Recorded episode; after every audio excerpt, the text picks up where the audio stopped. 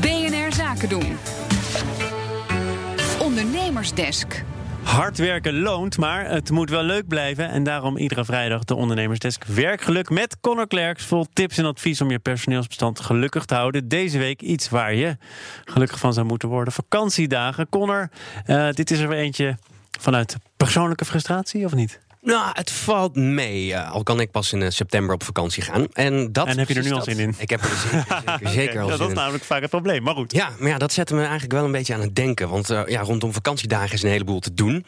Kan je onderlinge relaties op de werkvloer ook een klein beetje beïnvloeden. Want ja, als je één persoon hebt die in januari al weet dat hij dat weg wil... en die gaat dan alvast drie, die drie weken in juli of zo blokken... waar jij eigenlijk naartoe zou willen... ja, dan moet je je op het moment dat jij wil gaan boeken, moet je ineens gaan schikken aan toch uh, de mensen van de baas bijvoorbeeld. En dan heb je ook nog eens schoolvakanties, mensen met kinderen, mensen zonder kinderen. Dat is allemaal ingewikkeld. Dus ik dacht, ja, kan dat allemaal niet veel makkelijker? En ken dat? Nou, uh, ja, dat kan het eigenlijk zeker. Want um, bij het oprichten van het bedrijf HelloPrint besloot de CEO Hans Scheffer het helemaal anders te doen. Geen vaste werktijden meer, dus ook geen vakantiedagen. Al is dat niet het hele verhaal. Nou, ik denk dat het uh, met name belangrijk is om dat in een wat bredere context uh, te bekijken. Het, het, het, niet geven van, of het niet vastleggen van vakantiedagen kan je nooit als één ding zien. Dat komt altijd in de bredere context van het geven van verantwoordelijkheid en vrijheid aan, aan je team. En vakantiedagen zijn er dus één onderdeel van. Het gaat veel meer om, ben ik bereid als werkgever om professionele mensen die je professioneel binnen hebt gehaald, ook de vrijheid te geven om dat te doen wat hun goed dunkt, om hun rol zo goed mogelijk uit te kunnen, uh, te kunnen voeren. En ja, dat, is, dat geldt met vakantiedagen op dezelfde manier als dat dat geldt met uh, het hebben van vastgestelde werktijden uh, of het bepalen van de plaats waarbij iemand dat moet doen, als dat niet um, vanuit de functie heel erg nodig is. En wij geloven heel erg in het geven van die, ja, van die complete vrijheid om ja, het maximale uit mensen te halen. Dus eigenlijk als je dat niet doet, dan houden ze eigenlijk ook heel veel verantwoordelijkheid weg. Ja, het is een beetje gek, want we, we, we ja, behandelen mensen binnen een uh, zakelijke omgeving eigenlijk als uh, scholieren of studenten.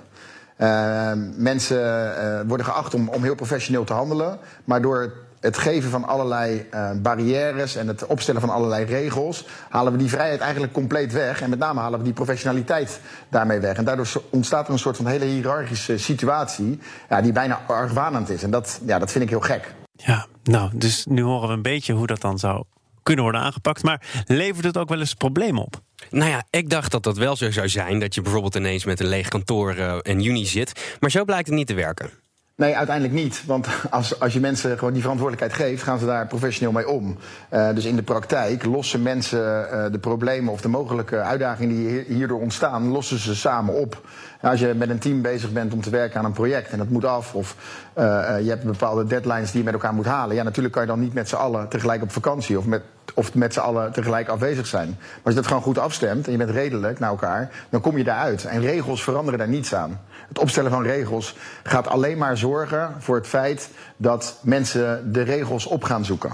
En zich gaan houden aan die regels. Maar het haalt elke andere vorm van verantwoordelijkheid en professionaliteit weg.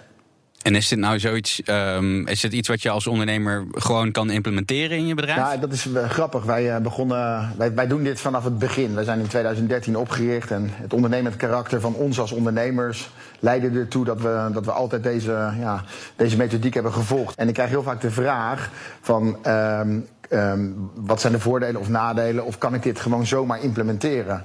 Uh, maar het is niet een, um, een, stukje cultuur wat je zomaar in je bedrijf stopt. En je kan het ook niet in isolatie zien. Dus um, je kan dit alleen maar doen als je als bedrijf en ondernemer volledig gelooft in die vrijheid. Alles goed en wel, die vrijheid. Maar gaat je personeel nou meer, gaat je personeel nou meer of minder werken? Ja, dat is dus het mooie hiervan. Dat weet je helemaal niet. Maar volgens Hans Scheffer moet je daar ook helemaal niet naar kijken. Maar dat is nou precies dat, dat angeltje uh, waar je toe moet bereid zijn als, als ondernemer. Uh, om dat dus niet te meten.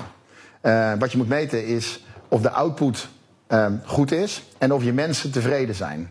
Was jij een beetje tevreden over je werkdag tot nu toe eigenlijk? ja, ik wel hoor. ik vond het weer een goede ondernemersdesk. Maandag dan komt er waarschijnlijk weer een, toch? Ja, dan gaan we het hebben over uh, kantoorpanden. Want ja, is het nou wel of geen goed moment om in vastgoed te stappen als ondernemer? Maandag het antwoord van Conor Klerks. Tot dan. Ondernemersdesk Werkgeluk wordt mede mogelijk gemaakt door Effectory. Effectory. Listen, learn, lead.